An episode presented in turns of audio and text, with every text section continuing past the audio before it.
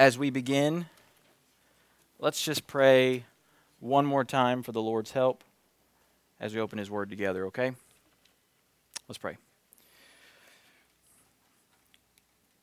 Lord God, as we open your Word, we know that it is a lamp unto our feet and a light unto our path. We know that if we hide your Word in our heart, it will keep us from sinning against you. God, we know that you can sanctify us by your Word because your Word is truth. I pray that those in the room that are struggling with certain anxieties, that you would calm their hearts right now so that they can hear the truth of your word, be strengthened by grace, be strengthened by hope that is found in the generous Savior, Jesus Christ. I pray in Jesus' name. Amen. Amen. We're going to talk about generosity tonight. Generosity in chapter 8. Um, I want to begin by thinking about uh, some of the wealthiest people in the world. Who is the wealthiest person in the world right now? Elon Musk. Here he is. Elon Musk with his Tesla, CEO, founder of Tesla, SpaceX, now owns Twitter. He bought Twitter with pocket change, $44 billion. No big deal. Just kind of spent it, bought Twitter. You know, he's pretty wealthy. He is currently worth as of right now, according to Google, $184 billion. $184 billion. So if you'd like to do some calculations, that is $500 million earned per day. $500 million per day.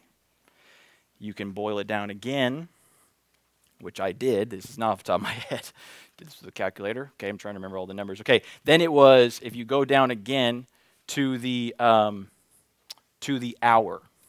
Okay, it was three hundred thousand dollars per hour. Then, if you boil it down all the way to the second, five thousand dollars earned per second. Okay, so by the time I finish this sentence, he has earned $25,000, okay? That's a lot of money. That's making some serious cash right there. Now, he's pretty wealthy. Let's do some others, okay? I don't have more pictures to show you, sorry. Jeff Bezos. What does Jeff Bezos do? Anybody? Amazon, thank you. 125 billion, scrub. 125 billion. Bill Gates, who was the leader for a long time, he's now only worth a mere 105 billion we're starting to get into like second string right now. Mark Zuckerberg. What does Mark Zuckerberg do? What? Oh, he's a li- okay. Facebook is the answer. Okay, he created Facebook. He's worth only 70 billion. get out of here, Zuckerberg. 70 billion. Let's do some let's let's get into the poverty now, okay? Real poverty. LeBron James, who broke the all time scoring record last night, he's worth $1 billion. Okay? How about some other celebrities? The Rock, only 800 million. Not even a billionaire. Come on. The Rock is worth 800 million. Taylor Swift, T Swift, 400 million. I mean, this is like, these people are broke. This is, this is poverty now, okay? Justin Bieber, the Biebs from from Toronto. Justin Bieber, 250 million. Okay? I mean, seriously, is that even wealthy? 250 million? I mean, come on. All right, so that's good, right? So, is this what we need to think about is yes, they're rich on earth, but is that is this true wealth? Okay? You might quickly say, well, of course it is. Well, is it true wealth, biblical wealth? All right, we are so captivated, so captivated and fascinated by earthly wealth, right? Even the thought of having uh, $500 million earned per day is like an overwhelming thought to us, right? I mean, that's something we can't even grasp our mind around. We're so lost with just thinking about earthly wealth. We lose sight of our true wealth. We lose sight of the fact when we get so captivated by billionaires and millionaires, and we wish we were one, and maybe we're chasing that as a dream, we lose sight of the fact that we actually have a greater wealth. we have wealth in Christ. We are wealthy in eternity. And I know that's really hard for us to see because we can't see it. But if we could see it with our heart, we would see just how wealthy we really are. We actually have far more than all of these people put together in Christ. And we need to consider what that actually means for us. What does it mean then that we are eternally wealthy? Because if we're called to be generous, we need to think about what generosity is and how our eternal wealth actually helps you be generous. Okay, that's what we're going to think about. How does eternal wealth with Christ help you be generous right now? That's what I want us to think about. Because it's, it's really hard to be generous, if we were honest. It's hard to be generously giving our stuff away. It's hard to give our time to other people. It's hard to give money to, to certain people, maybe to provide for someone or to certain causes, right, to certain missions. It's hard to sacrifice money for that. It's hard to give away and donate possessions that you're really attached to. And how do we do that if we feel like we don't even have that much money? How can I be generous if I really don't have a lot? You're like, Mark, I'm in middle school. Like I don't even have a job. How do I be generous? Like I don't have I don't even have money. How can I be generous?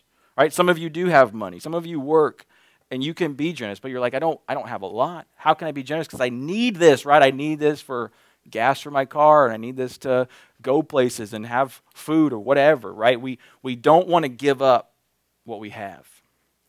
And I want us to see that if we can recognize how much we have in Christ, we will actually overflow with generosity. So, how does this work? Let's read verses, chapter 8, verses 1 to 9. Okay? Chapter 8, verses 1 to 9, and then we'll do our main truth here. Verse 1 We want you to know, brothers, about the grace of God that has been given among the churches of Macedonia. For in a severe test of affliction, their abundance of joy and their extreme poverty have overflowed in a wealth of generosity on their part. Verse 3 For they gave according to their means, I, as I can testify, and beyond their means of their own accord, begging us earnestly for the favor of taking part in the relief of the saints. Verse 5 And this, not as we expected, but they gave themselves first to the Lord, and then by the will of God to us. Accordingly, we urge Titus that as he had started, so he should complete among you this act of grace. But as you excel in everything, in faith and speech and knowledge, in all earnestness and in our love for you, see that you excel in this act of grace also, rather in generosity. I say this not as a command, but as to prove by my earnestness of others that your love also is genuine. Now listen to verse 9. For you know the grace of our Lord Jesus Christ, that though he was rich, yet for your sake he became poor, so that you by his poverty might become rich. Now, that is an amazing statement. Let's think about this together. All right. The rest of the chapter, he talks about an encouragement for the church to give and then plans on how he's going to get their gift over to these other churches.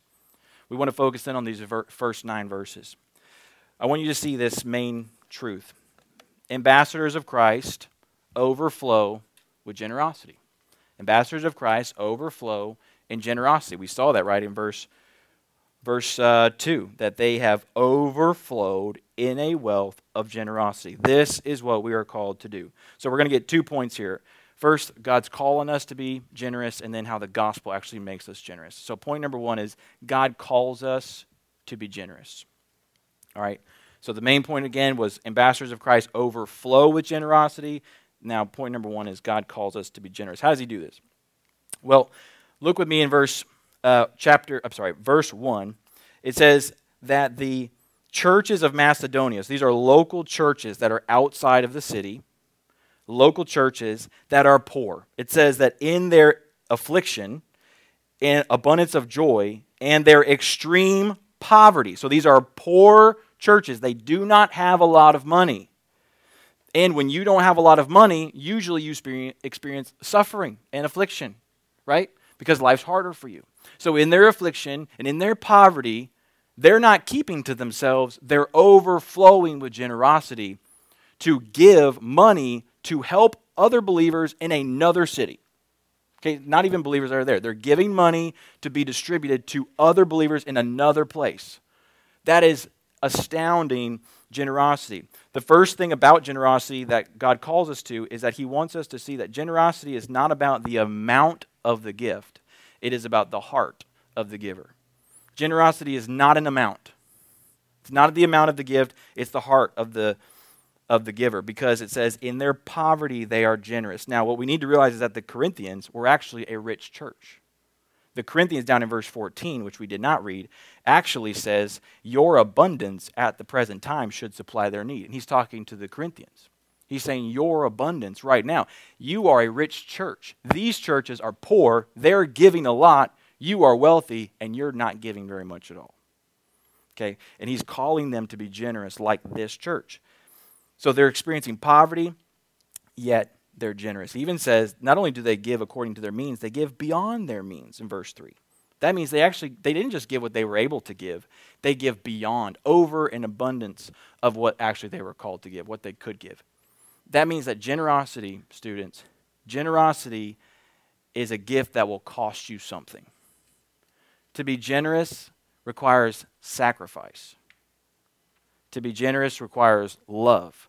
To be generous means that the gift is a little bit hard for you. So if you're generous with time, that means you're giving up time that you could be spending on other things. If you're generous with your energy, you're putting a lot of energy maybe towards serving the church that you could be using at home for your own for your own desires, whatever you want to do. If you're giving money, maybe to send one of your fellow students to Peru, you're passing up money that you could use for yourself on Chick fil A or whatever, wherever you want to go, movies, whatever, I don't know. You're passing up money to give to them, right? There's a little bit of a sacrifice. It costs you something, right? That's generosity. Now, it's not about the amount, right? It's about the heart of the giver. Which one is harder? So I want you to think about this. Which one is more difficult?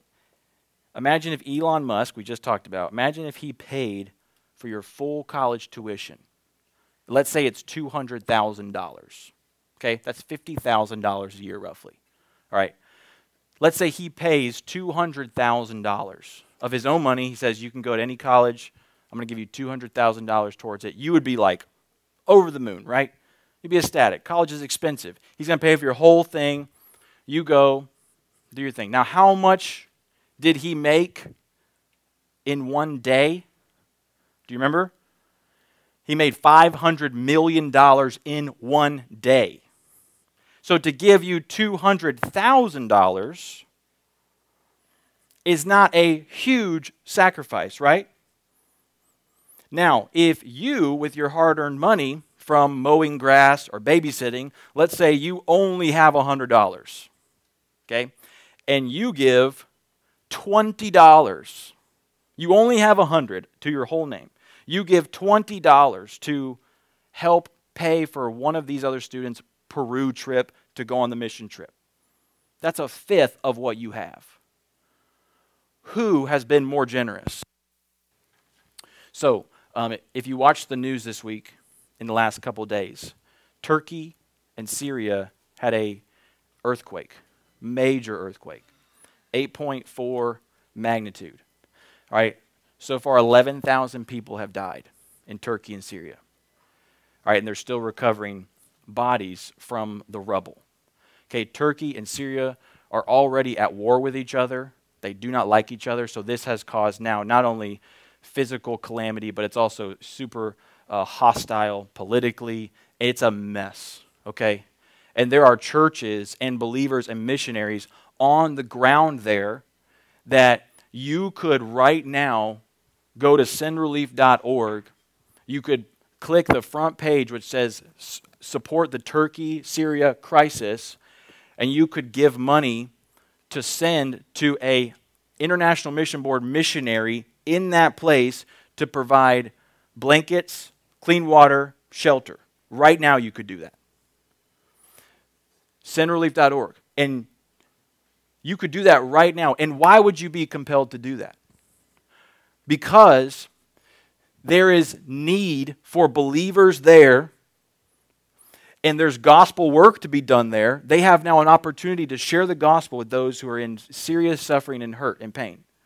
And you could give to them out of a sacrifice of your own heart to provide for believers in the gospel work there.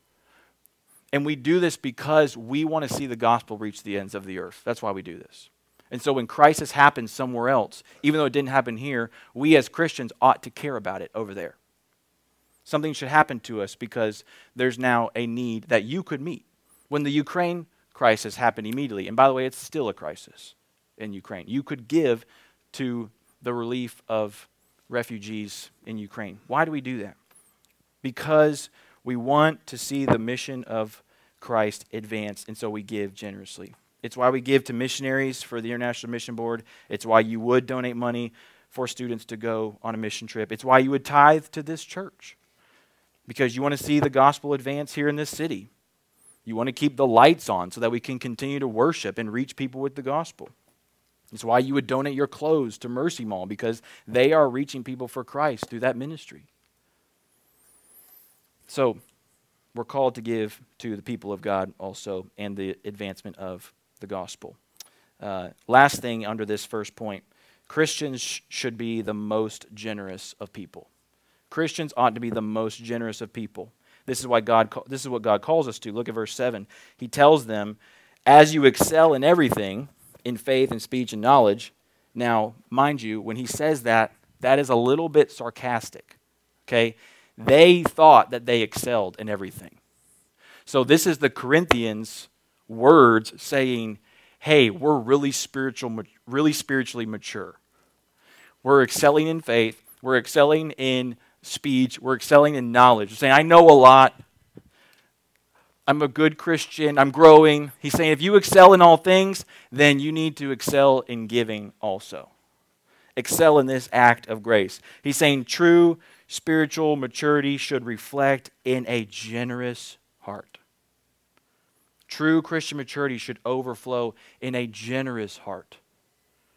All right? You should excel as a giver. You should not be stingy. You should be an excellent giver, and you should strive to be a giver. This is what Christ has called you to sacrificial love through giving. When you give, you are showing the love of Christ in a practical way. So maybe you feel like you're doing a lot of excellent things in the Christian life. Maybe you're in here and you feel like you are spiritually mature. You're like, I'm coming to church. I'm reading my Bible. I'm memorizing Scripture. I'm not struggling with this sin or that sin. And Paul, through the Holy Spirit, is saying, okay, well, if you think you're spiritually mature, how's your giving? How's your generosity with your time? With your serving? With you stooping down low to help someone in need? With you caring for the poor, with you caring for the widow, for the high schooler to care about the sixth grader, for the public school to care about the private school or homeschool, and vice versa. For the strong believer to care about the weaker believer or the new believer, to encourage them. They see someone struggling, to encourage them. This is spiritual maturity. Spiritual maturity is not knowledge, and it is not the kind of sins you struggle with. Spiritual maturity reflects itself in humble service and generosity. You know, when I see you growing, students, when I see you growing is when I see you serving, when I see you looking out for people that are sitting by themselves, when I see you here actively to build other people up, when I see joy on your face why? Because that reflects a heart that is growing to look more and more like the generous Savior that we have. A heart that's looking more and more like Christ. We want to excel in giving and showing others in showing others the beauty of Christ.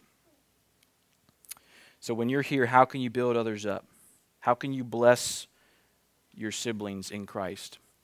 Just look around for a second. Just look around. Just look around. Look at everybody. Just look at everybody. Okay? Thank you, Ben. These are brothers and sisters. Do you believe that? If you are in Christ, these are brothers and sisters.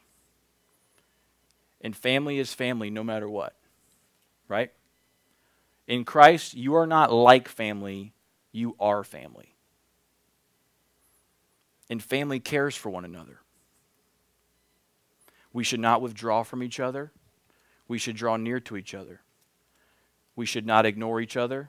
We should make sure everybody is welcomed and loved. This is the heart of a mature Christian.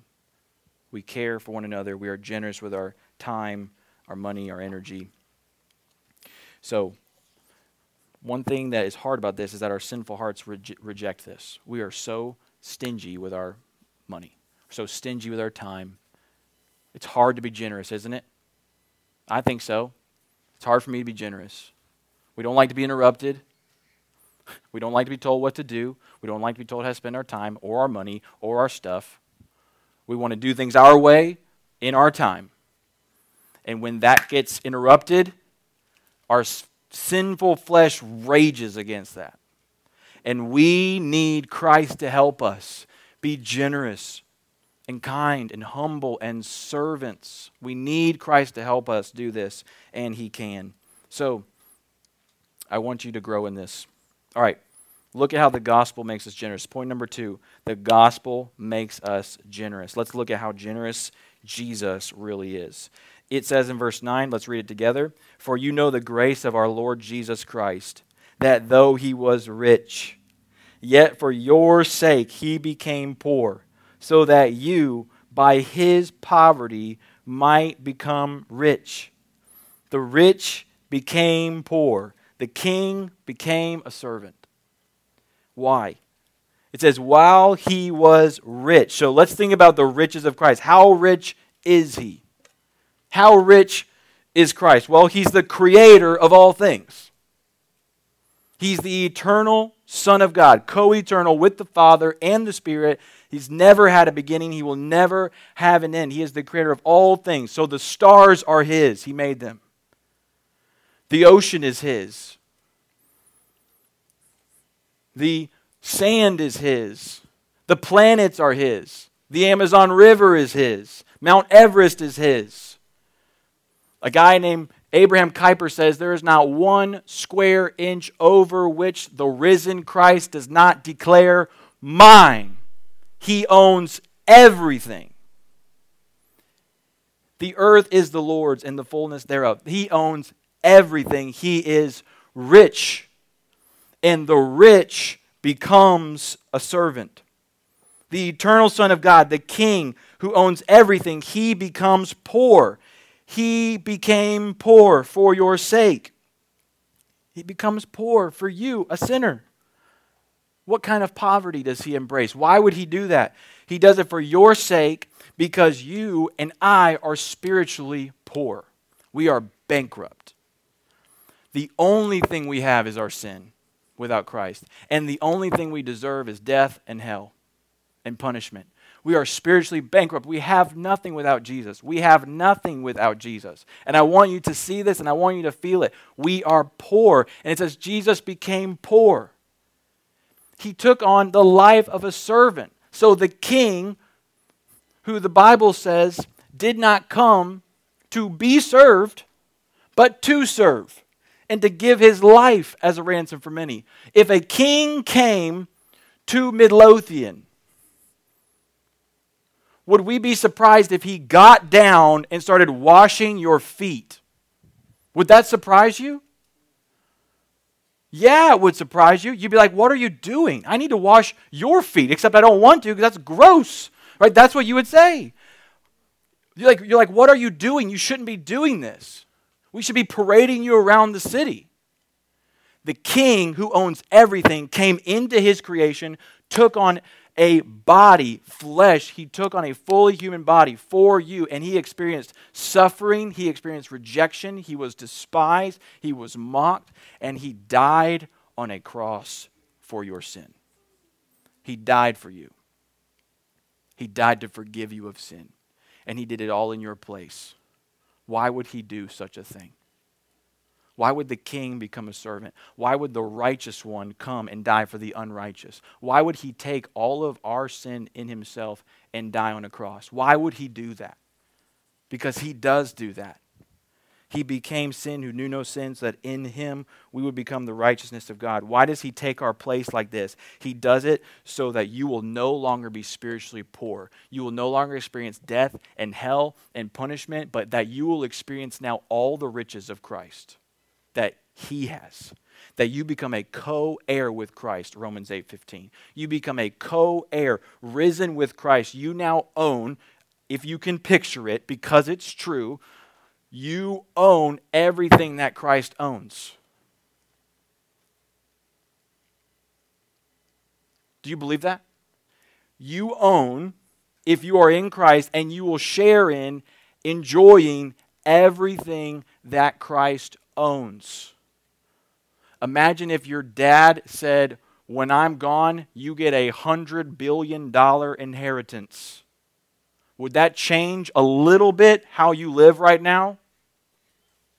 Okay, so you have an inheritance with Christ who owns everything, which will never die and never fade. It will never corrode. It will never rust. It will always be as new always into eternity for billions and billions of years. It will never, ever fade. You get it all and it's yours. Why? Because Christ died to take all your spiritual poverty away, take all your sin away, so that you could enjoy Him forever. That is salvation. If you do not know Christ, then you do not have this. And I want you to see that if you would just get your heart around eternity, if you will just take your eyes off of living for here, this earth is not our home. We are not going to stay here. And we don't take our stuff with us. All that matters is Christ and Christ alone and what you will do with him and how you can get other people to enjoy the eternal riches of Christ with you. That is it. So everything that you do is about that. We cannot keep living for money and stuff because it won't last. It is literally meaningless. And we cannot get over the fact that we are trying to win other people's approval of us with our shoes and our clothes and our posts and we're enslaved to sin because of what other people think of us, and we would just stop and realize we're not living for here. We don't live for this earth. We have got to wake up. The only thing that matters is eternity. That's it. If we live for here, we will be filled with anxiety and filled with fear because we're just driven by it, because we cling so tightly to this world and this image and our stuff that we have. We don't want it to get messed up. We don't want our name to be ruined. We don't want our reputation to be tarnished. We don't want people to drag through, us through the mud. So we protect ourselves, we preserve ourselves, and we keep our stuff, and we don't let it go. And if we would just see that Jesus became poor so that we could become rich forever, maybe that would loosen our grip a little bit.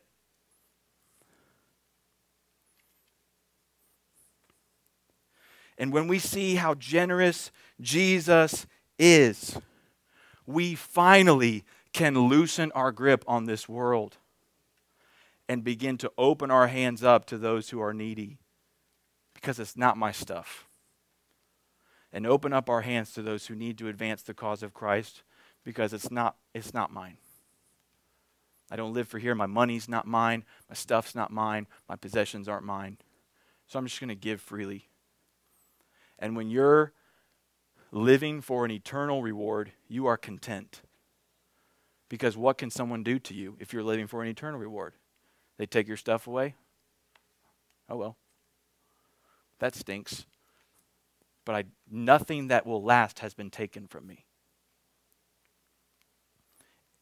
And we've got to see this that we have become rich in Christ. He says he became poor so you might become rich. Don't abuse that verse. That has nothing to do with material riches, nothing to do with earthly riches. It's not saying if you come to Jesus, you'll get more earthly possessions. It's not that. We call that prosperity gospel. It's a heresy. It needs to go to hell. Okay? It is not that. We are eternally rich with Christ forever.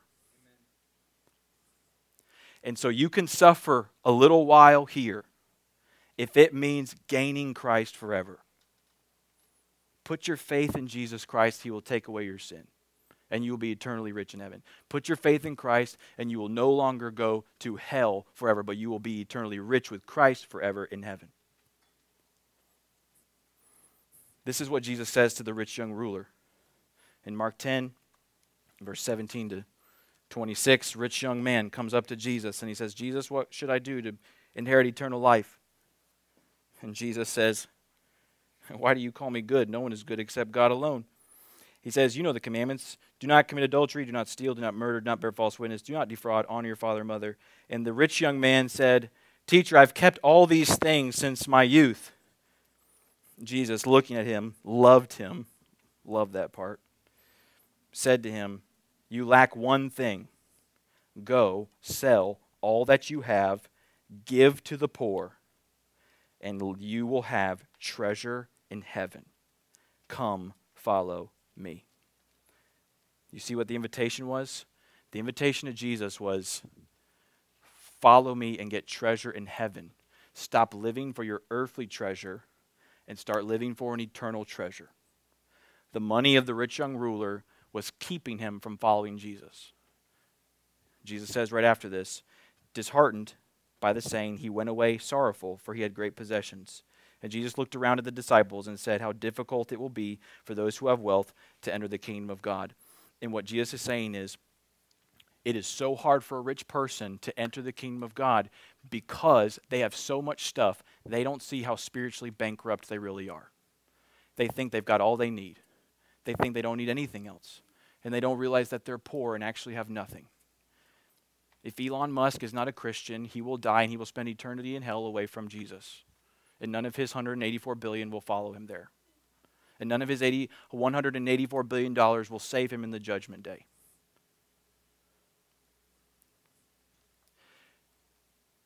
We live for a treasure that is in heaven, and we can be generous now because of it. Generosity is when we give in a way that reflects the generosity of the Savior that we see in the gospel. Generosity is when we give in a way that reflects the generosity of Christ that we see in the gospel. The rich Savior becomes poor so that we, by his poverty, might become rich. Do you see how this can now make you generous? You're free. You're not stuck. You're free to give. So, a couple things to think about here as we close. Believers, are you tight fisted with your stuff? Are you, are you holding on to it tightly? What needs to change in order for you to loosen your grip on the world a little bit? To give generously to people who need it, to advance the gospel? What can you confess tonight that will help you grow in generosity? What do you need to let go of? What are you afraid of that will help you grow in generosity? To reflect the Savior and then look to Christ who sacrificed it all so that you will become generous. So, what can you do? What are some practical ways to be generous? I would pray and ask the Lord this question How do you want me to be generous? Ask Him. Because I believe that there's those in you that want to be generous. I see you growing. You want to be generous. You want to give. You want to spend your time well for the kingdom of God. Amen. Keep going. Ask the Lord, Lord, I'm yours. Help me be generous like you. Teach me how to be generous. Show me a way. Give me an opportunity for me to be generous. When we are generous, we show the love of Christ in a practical way. So use your time, use your money, use your possessions to serve the Lord. Let Him just spend you. Let Him spend you how He wants to spend you. Hold nothing back. Generosity is not amount, not an amount. It is our heart, which displays Christ, who is a generous Savior. Amen. Amen. Let's pray together, and then I'm actually going to have. I'm just going to dismiss us. Okay. Let's pray together. We'll be dismissed. Lord, Lord, we love you so much, and uh, we're so grateful for the generosity of the Savior. Lord, we pray that we would just sit in this for a little bit. We pray that we would just meditate on the realities of Christ who became poor so that we, by his poverty, might become rich, that you would help us see that we live for eternity, not for earth. That we would let go of our stuff. We would let go of how tightly we hold on to our time, our money, our possessions, everything, and just say, Lord, it's yours. Spend our life how you want to spend us for the cause of Jesus Christ. May we hold nothing back. Let us keep nothing back from you. Use us, send us how you want to send us. We pray it all in Jesus' name. Amen. Thanks, guys. You are dismissed.